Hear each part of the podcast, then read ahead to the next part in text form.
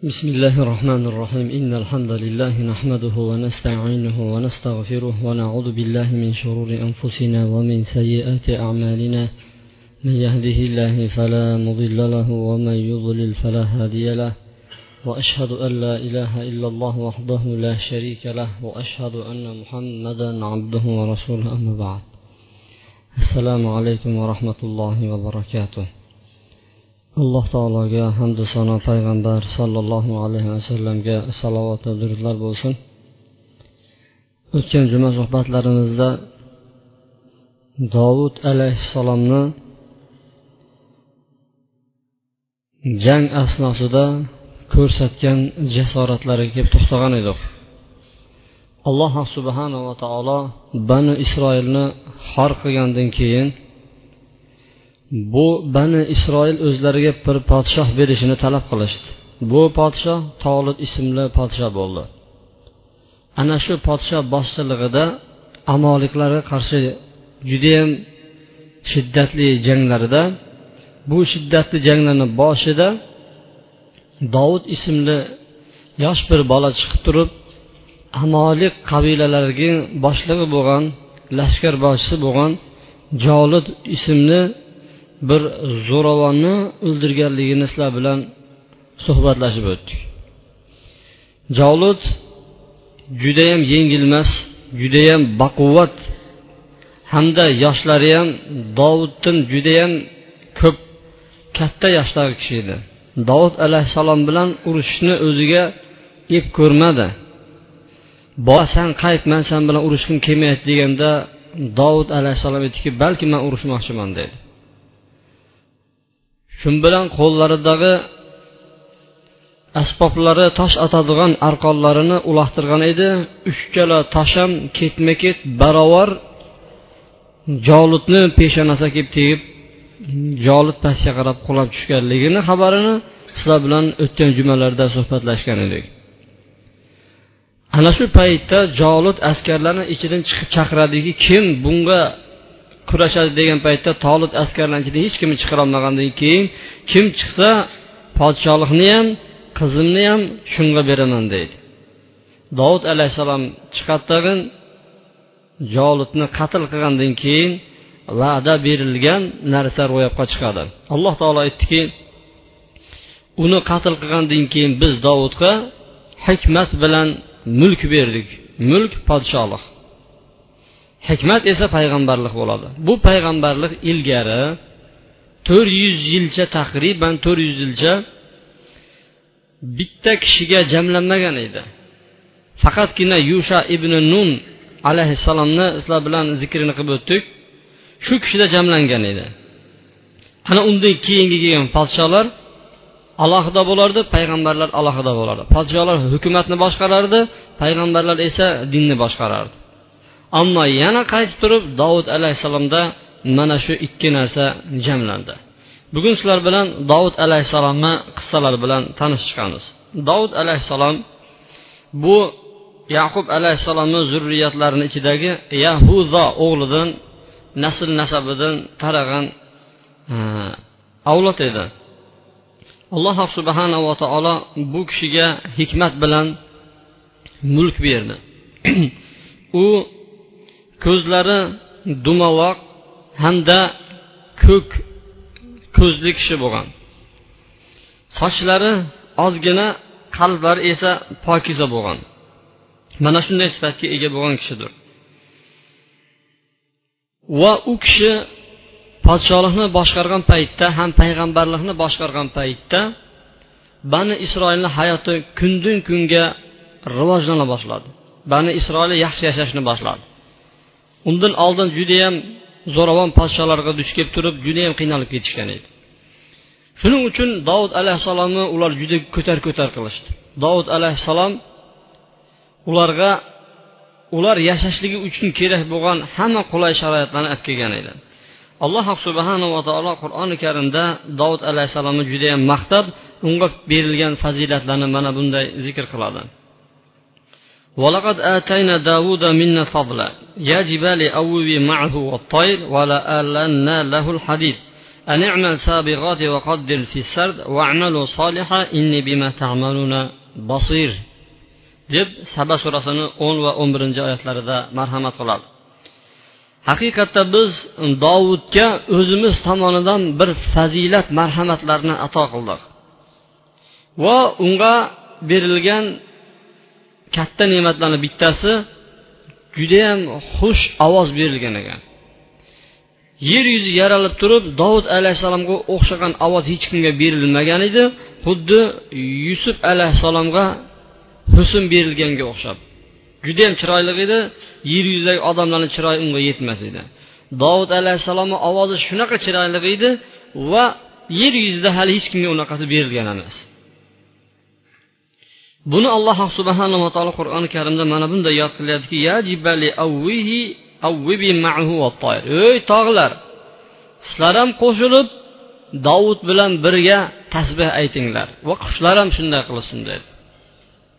Dovud alayhissalom zaburni shunday tilovat qilar ediki tepada uchib ketayotgan qushlar dovud alayhissalomni ovozini eshitib to'xtab pastga tushaverarkan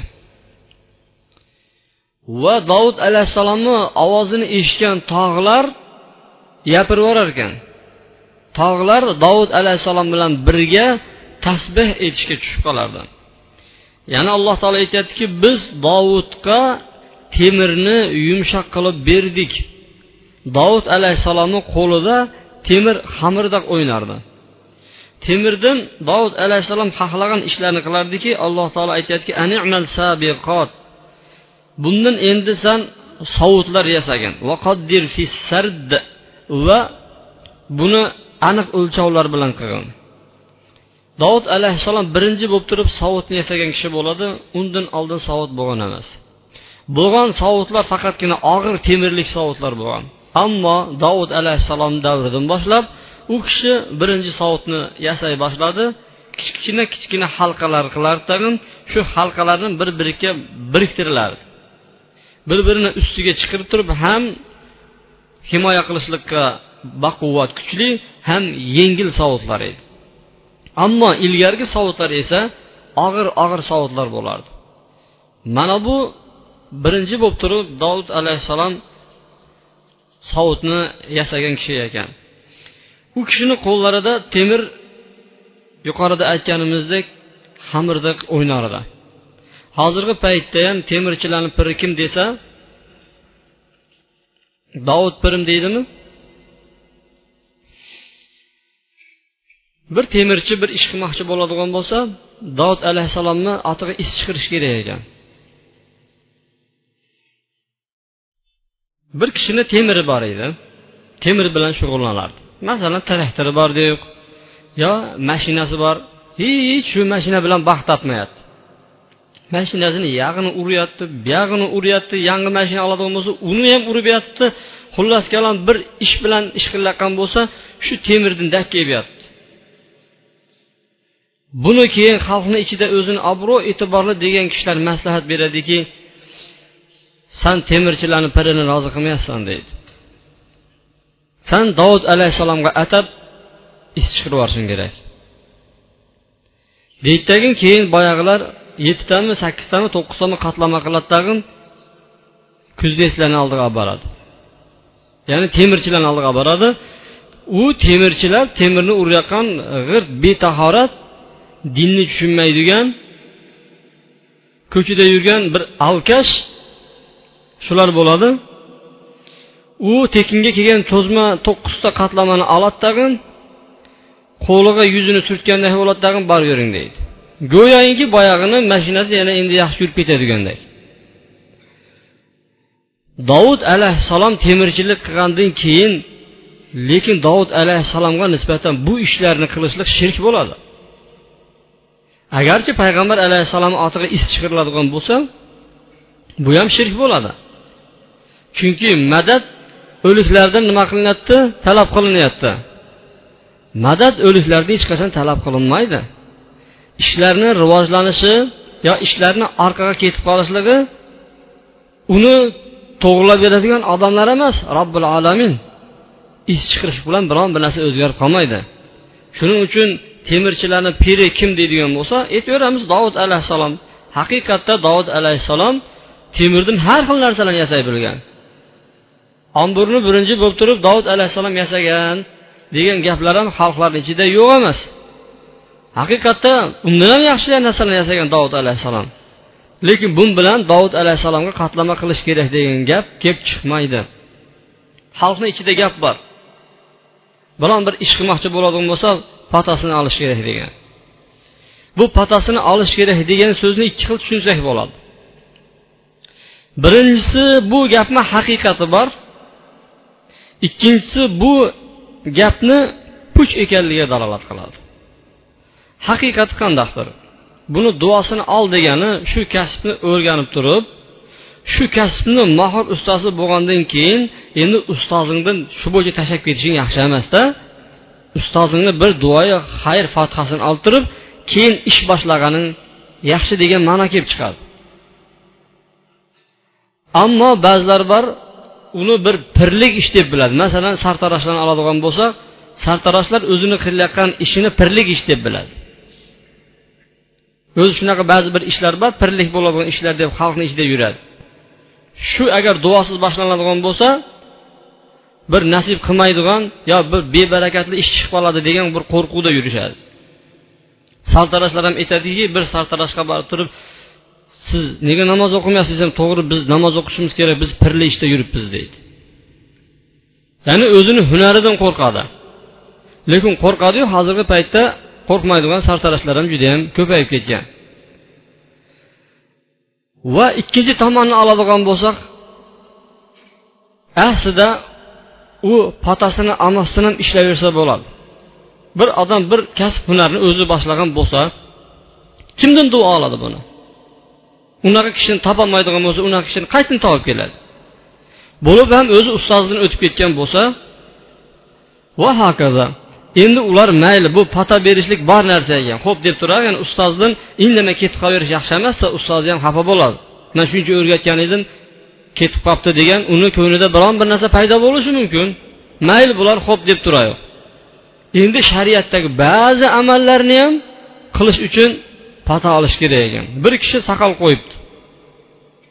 Soqol qo'yibdi tag'in shu bilan bir ikkitasi tegishibdiki u buni patasini oldingmi debdi. E, qanaqa patasi kimdan olaman desa choyxonaga borib turib chollardan pata olishing keraksan debdi.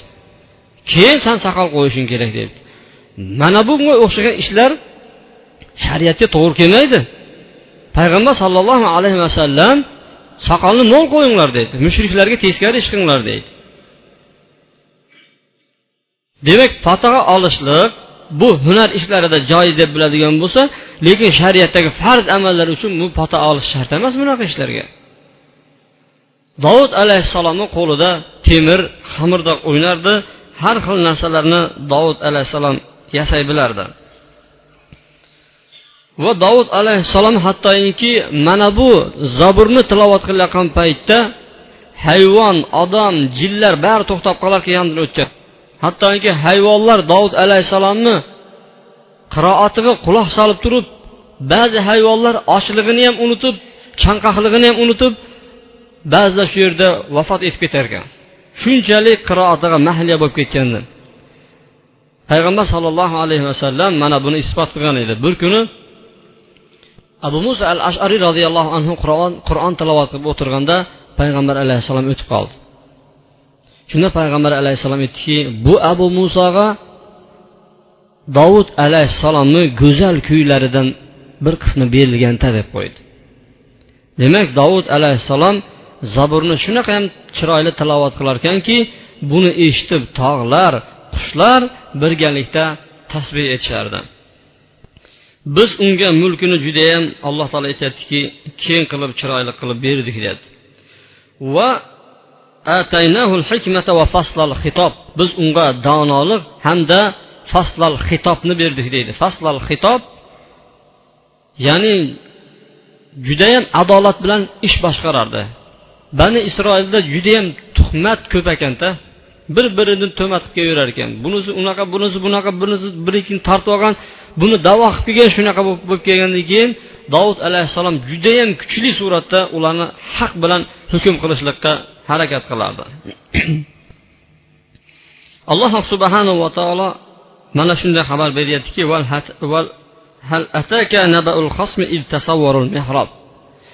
eslang ey muhammad alayhissalom dedi sizga dedi shu ikkita bahs husumatlashuvchini xabari keldimi dedi ular mehrobni ustida shundoq oshib o'tishdi.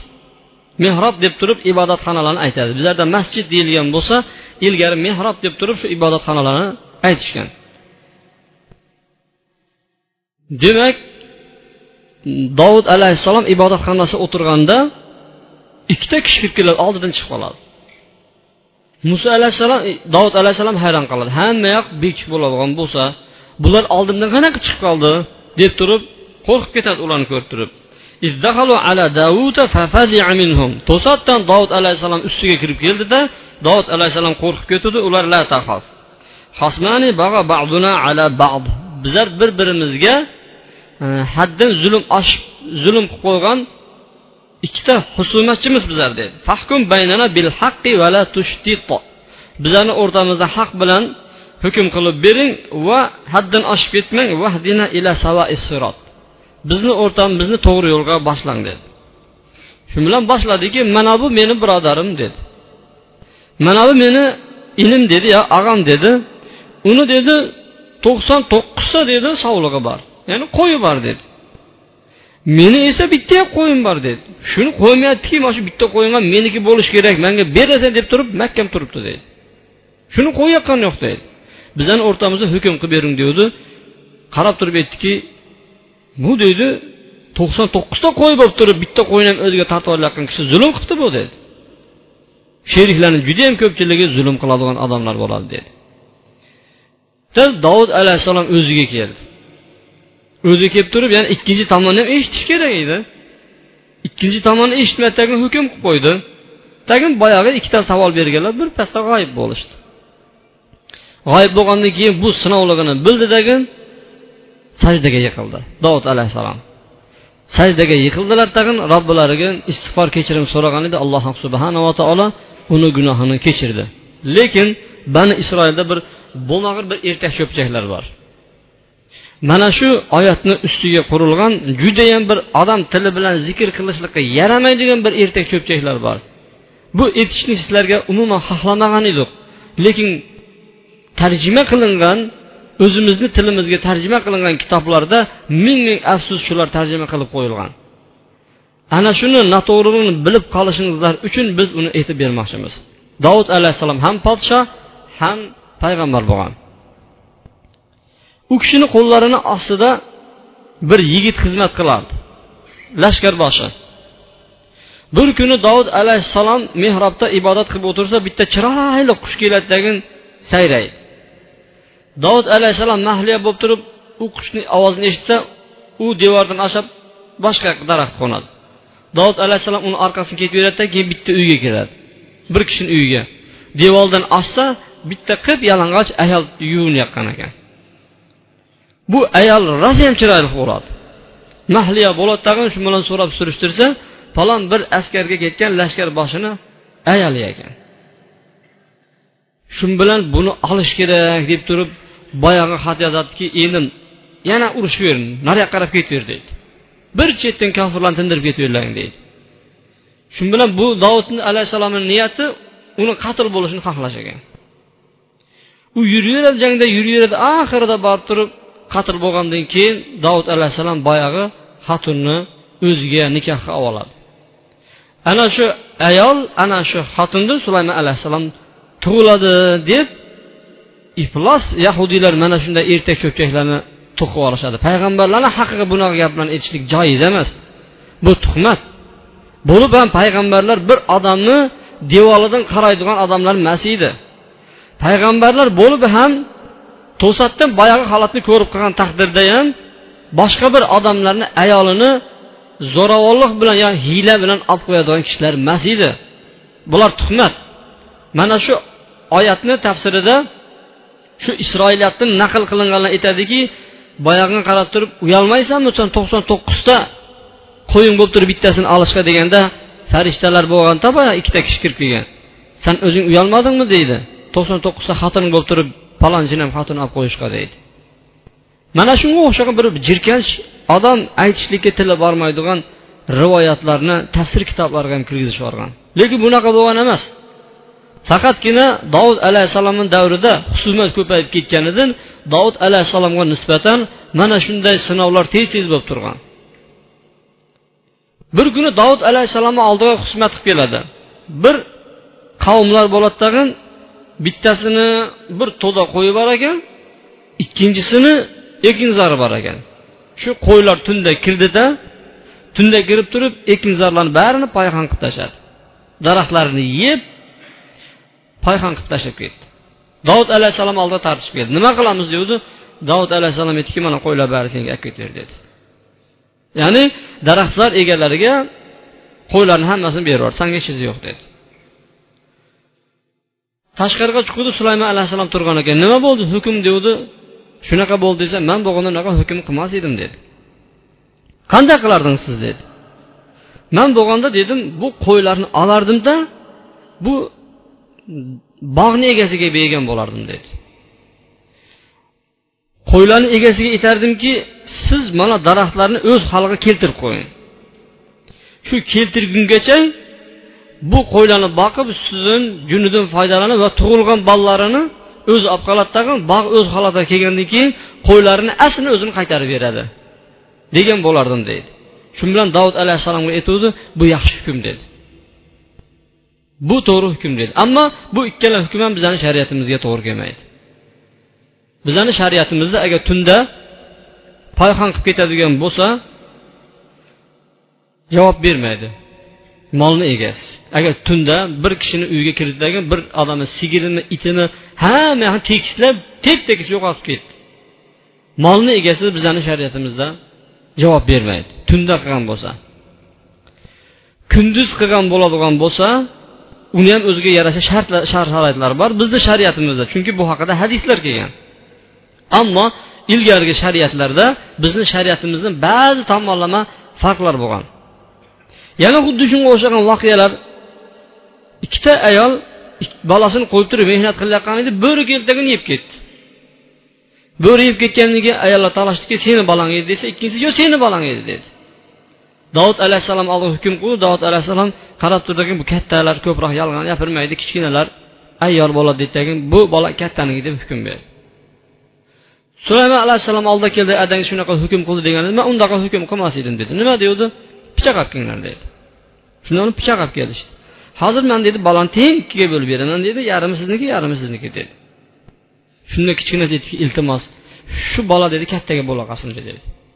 Mayli manga emas kattaniki bo'la qolsin dedi. Sulaymon alayhissalom otlarga kichkinaga berdi. Chunki farzandi bo'lgandan keyin rahmi keldi unga o'ziniki mana shunga o'xshagan voqealar ko'p bo'lgan. Bularga nima degan har xil tafsirlarni berishimiz mumkin? Demak bizlarga ochiq bir sahih hadislar kelmagan ekanmi? Haligiga o'xshab turib davud alayhissalomga bir bo'lmag'ur gaplarni aytib turib davud alayhissalomni biz sha'nini tushirishligimiz yaxshi emas.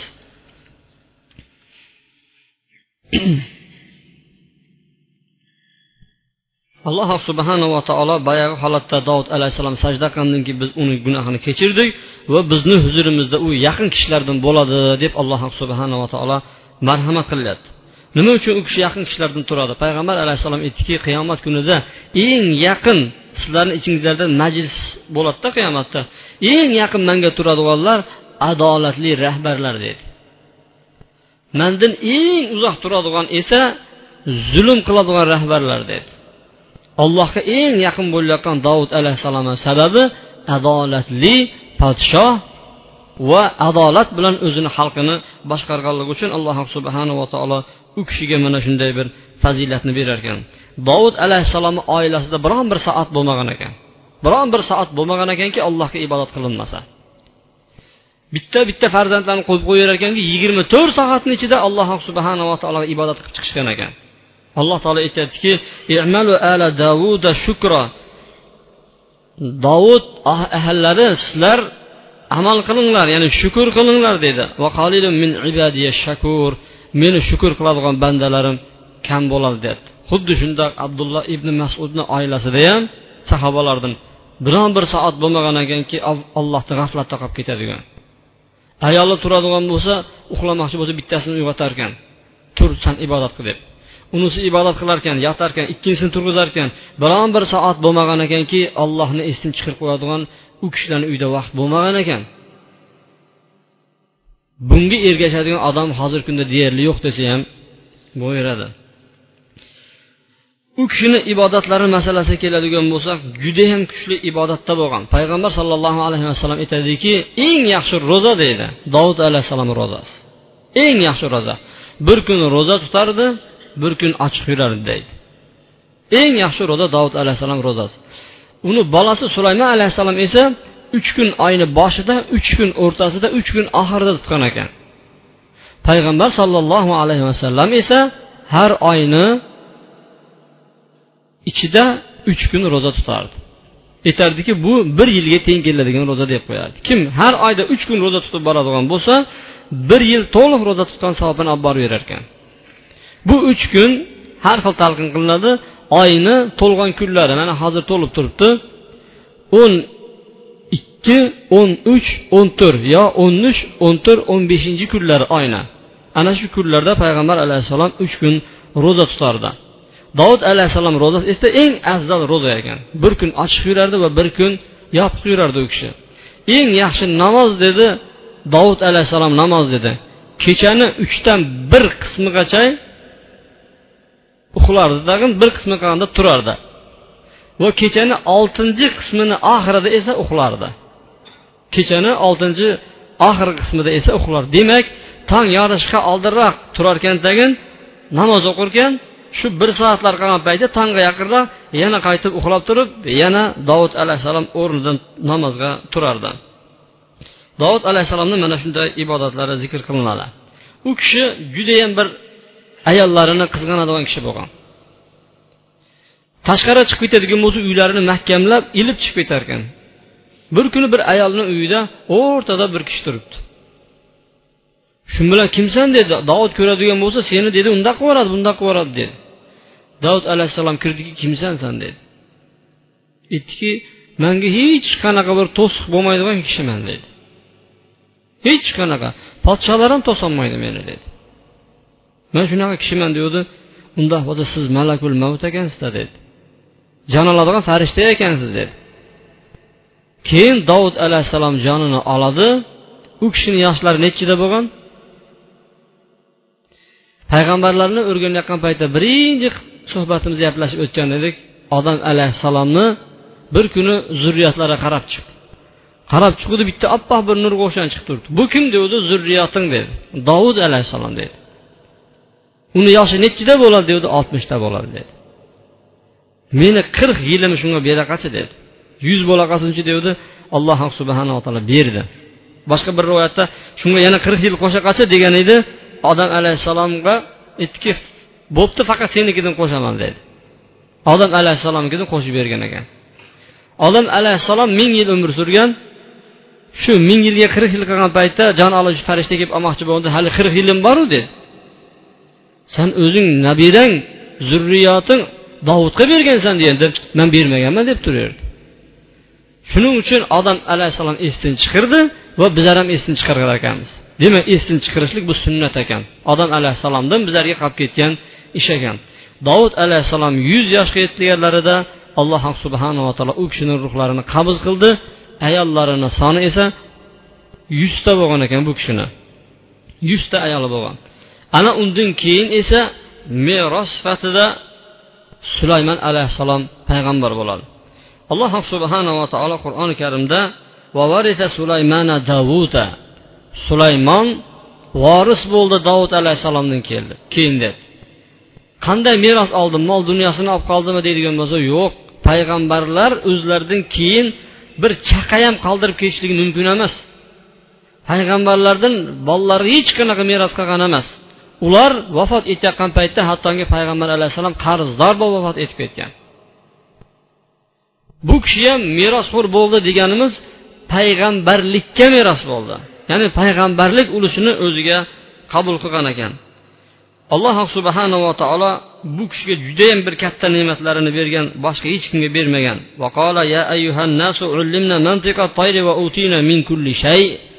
Voy odamlar dedi. Manga dedi qushlarni tili o'rgatildi va hamma narsa berildi. Deb turib bu ollohni katta bir fazilati marhamati deb qo'ydi. Yer yuzi yaralib turib sulaymon alayhissalomga berilgan mulk oldin ham berilgan emas unaqasi va undan keyin ham berilgan emas. Hattoki payg'ambar sollallohu alayhi vasallamga ham sulaymonga berilgan ba'zi ne'matlar berilmagan ekan. Va sulaymon alayhissalomni haqidagi bir go'zal qissalar bor. U qissalarga kelasida inshaalloh to'xtalib o'tamiz. Lekin hozir sulaymon alayhissalomga alloh subhanava taoloni ne'matlari bilan inshaalloh sizlarni tanishtirib chiqamiz. Bu ne'matlar shundan iboratki alloh subhanava taolo sulaymonga shunday ishlarni bergan ediki hamma narsani bo'ysuntirib qo'ygan ekan. Hayvonlarni hammasi bo'ysunardi. Vahshiy deysizmi xonakilari deysiz bari sulaymon alayhissalom oyog'ini tagida muntazam edi. Jinlar bizni tilimizda aytadigan bo'lsak devlar. Devlarni butun bari sulaymon alayhissalomni oyog'ini tagida xizmat qilib turardi. Osmondagi uchib yuradigan shamollar bo'lsin qushlar bo'lsin parranda daranda bo'lsin sulaymon alayhissalom askarlari hisoblanardi. Sulaymon alayhissalomga son sanoqsiz askar lashkarlar berilgan edi. Hattoki sulaymon alayhissalomga bo'ronli shamollar ham berilgan edi. Bo'ronli shamollar u kishiga bo'ysundirilgan ekan. U kishi otlarni yaxshi ko'rar ekan. Juda uchqur otlari bo'lar ekanki hattoki ba'zi otlarida qanotli otlar ham bo'lar ekan. Bizlar unaqa otlarni faqat ertaklarda eshitganmiz. Lekin bu ish haqiqat bo'lgan. Bir kuni payg'ambar alayhissalom bir g'azotdan kelayotgan paytda shamol bo'lib tag'in oysha onamizni shu bekitib o'ynayotgan pardasini uchirib yuboruvdi. Oysha onamiz o'yinchoqlari ko'rinib qoldi. Payg'ambar alayhissalom bu nima ey oysha? devdi. Bu qo'g'irchoqlar dedi. Bu o'rtasida turgan nima dedi ot ikkita qanoti bor ot turgan ekan.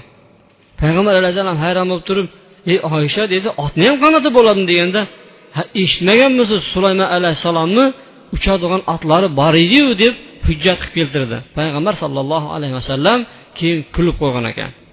Shunaqa bir uchqiri saman otlari bo'lar ekanki shu otlarga mahliya bo'lib qolar ekan sulaymon alayhissalom bir kuni ko'zini oldida sanab o'tkazib o'tkazib o'tkazib ibodat qiladigan vaqt o'tib ketib qoldi. Vaqt o'tib ketgandan keyin mana shularni dahsidan man ibodatdan chalg'ib qoldim deb bu otlardan voz kechgan ekan. Alloh subhanava taolo uchun voz kechganligi uchun alloh taolo u kishiga shamolni bo'ysundirib qo'yadi. Shamol u kishiga shunday bir xizmat qilar ekanki katta bir gilam uchar gilam deb qo'yadimi? Ana shu uchar gilam sulaymon alayhissalomda bo'lgan. Bisot deb qo'yadi. Shuni ustiga askar lashkar bino qiladigan taom ot hammasi bilan chiqib turar ekandiki u kishi buyruq berardi shamollarga. Shamol buyruq bo'lib turib tegidin ko'tarib turib osmonga olib chiqardi. Sulaymon alayhissalom bu yoqqa yur desa shamol bu yoqqa olib yurardi bu yoqqa yur desa bu yoqqa olib yurardi. Alloh taolo aytyaptiki biz sulaymonga shamollarni bo'ysundirib qo'ydik bir oylik bir oylik. Kechga borib keladigan joyi ham bir oylik qaytishi ham bir oylik bo'ladigan shamollarni bo'ysundirib qo'ydik bir kunda o'tirib damashqqa borib qaytib kelar ekan bir kunda o'tirib qabulga borib qaytib kelar ekan mana shunday sulaymon alayhissalomga biz bo'ysundirib qo'ydik. Hamda aynal qitrni ham unga berdik deydi. Aynal qitr degani mistim bo'lgan tog' eritilgan mislardan. Xohlagan ishini qilib yasardi. Uni oldida misdan har turli asbob anjom uskunalar yasay bilardi. Bu ishlarni devlar bajarardi. Bu devlar deb tarjima qilyapmiz biz qur'oni karimda shayotin deb keladi. Ya'ni shayotin deb turib quturgan jinlarni aytadi. Bizni xalqimizda ko'proq uni dev deyishadi. Palonchini devi bor ekan deydiyu. Demak quturgan jinlarni alloh subhanaa taolo unga bo'ysuntirgan edi. Ma yashau min mahadiba va tamasila va jifanin kal javob va qudurur rosiya uni oldida unga xizmat qiladigan jinlar bor edi. U uchun deydi har xil ibodatxonalar hozirgi kunda odamlarni aqli yetmayotgan ibodatxonalar bor. Odamlarni aqli yetmaydigan shundoq bir baland baland joylar borki shularni ko'pchiligi sulaymon alayhissalom davridagi jinlar qurganligi deb isbot qilinishadi. Chunki u paytda kranlar yo'q edi. Baland baland og'ir yukni ko'taradigan. Ana shu jinlarni ustida sulaymon alayhissalom mahkam turib ishlatgan ekan. Va qozonlarni yasardiki judayam katta qozonlar qo'zg'atishni iloji yo'q. Ahmad yasaviyni qozoniga nechi barobar katta keladigan qozonlarni yasardi butun bari askarlarga yetadigan ovqat pishiriladigan katta qozonlarni ishlab berishardi jinlar. Har turli suratlar shakllar haykallarni ishlab berardi unga. Haykallar ularda shariatida ruxsat edi. Bizni shariatimizda haykaltarashlikqa ruxsat yo'q. Haykallarni kichkina kichkina har xil haykallarni uyga olib kirib qo'yishlik bizni shariatimizda yo'q. Ammo o'tgan shariatlarda bu ruxsat bo'lgan. Sulaymon alayhissalom mana shunday har xil haykallarni ishlattirardi. Va sulaymon alayhissalom ularni ichida agar bo'ysunmaydiganlar bo'ladigan bo'lsa qattiq suratda azob berib turib alloh taolo aytadiki biz ularni o'tga tashlab turib azob berardik. Sulaymon alayhissalom shularni ba'zisini boylatib qo'yib qo'yar ekan boshqa jinlarga o'rnak bo'lsin deb turib so'zga kirmaganlarni. Mana shunday katta katta bir ne'matlar sulaymon alayhissalomga berilgan ekan. Lekin sulaymon alayhissalom bu bilan maqtanib ketmagan ekan. Alloh subhanava taologa ertayu kech judayam ko'plagan duo qilgan ekan. bu fazilat ne'matlar haqida inshaalloh kelasi jumamizda suhbatlashamiz.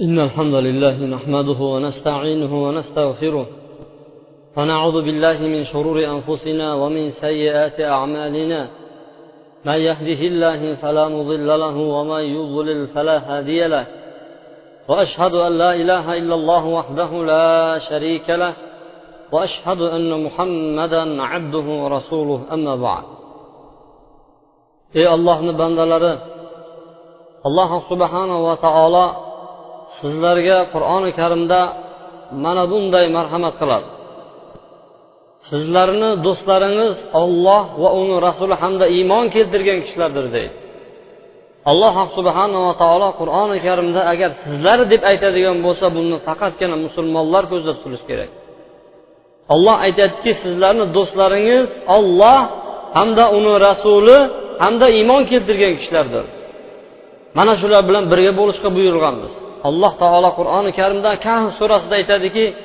واصبر نفسك مع الذين يدعون بالغداة والعشي يريدون وجهه ey muhammad alayhissalom deydi Ertayu kech ollohni yuzini istab talab qilib olloh uchun yurgan o'zini sabr qilayotgan ana shuni ollohni yo'liga tutayotgan odamlar bilan o'zingizni tuting birga deydi. Shular bilan birga bo'ling deydi.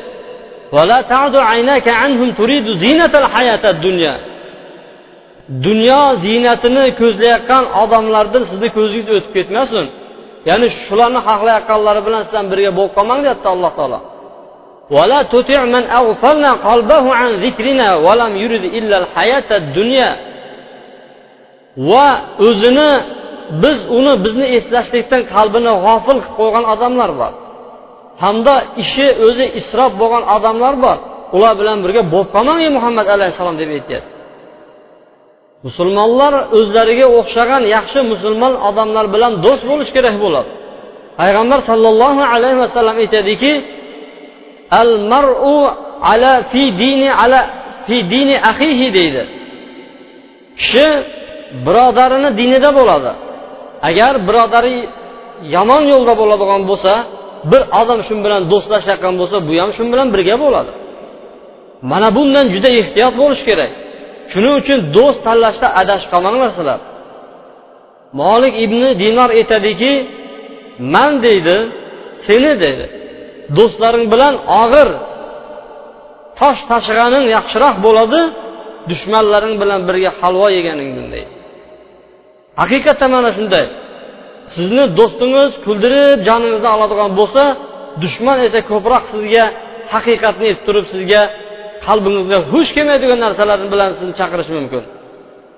Bu do'stlarni ichida eng yaxshi do'st alloh subhanava taoloni esdan chiqargan paytingizda sizga allohni eslatib qo'yadigan do'stlar yaxshi ekan. Mana shunday do'stlarni o'zingizga do'st tutishingiz kerak. Bilaks johil ibodatdan uzoq bo'lgan odamni agar siz o'zingizga do'st tutadigan bo'lsangiz u sizni bir kun do'zaxga olib itarib tashlashligi bunda hech gap yo'q. Payg'ambar sollallohu alayhi vasallamni qo'shnilari bor edi. Uqbat ibn muid degan kishi payg'ambar sollallohu alayhi vasallamni uylariga mehmon qilib chaqiradi. Hurmatli obro'li odamlarni chaqiradi. Shularni ichida payg'ambar alayhissalom ham bor edi.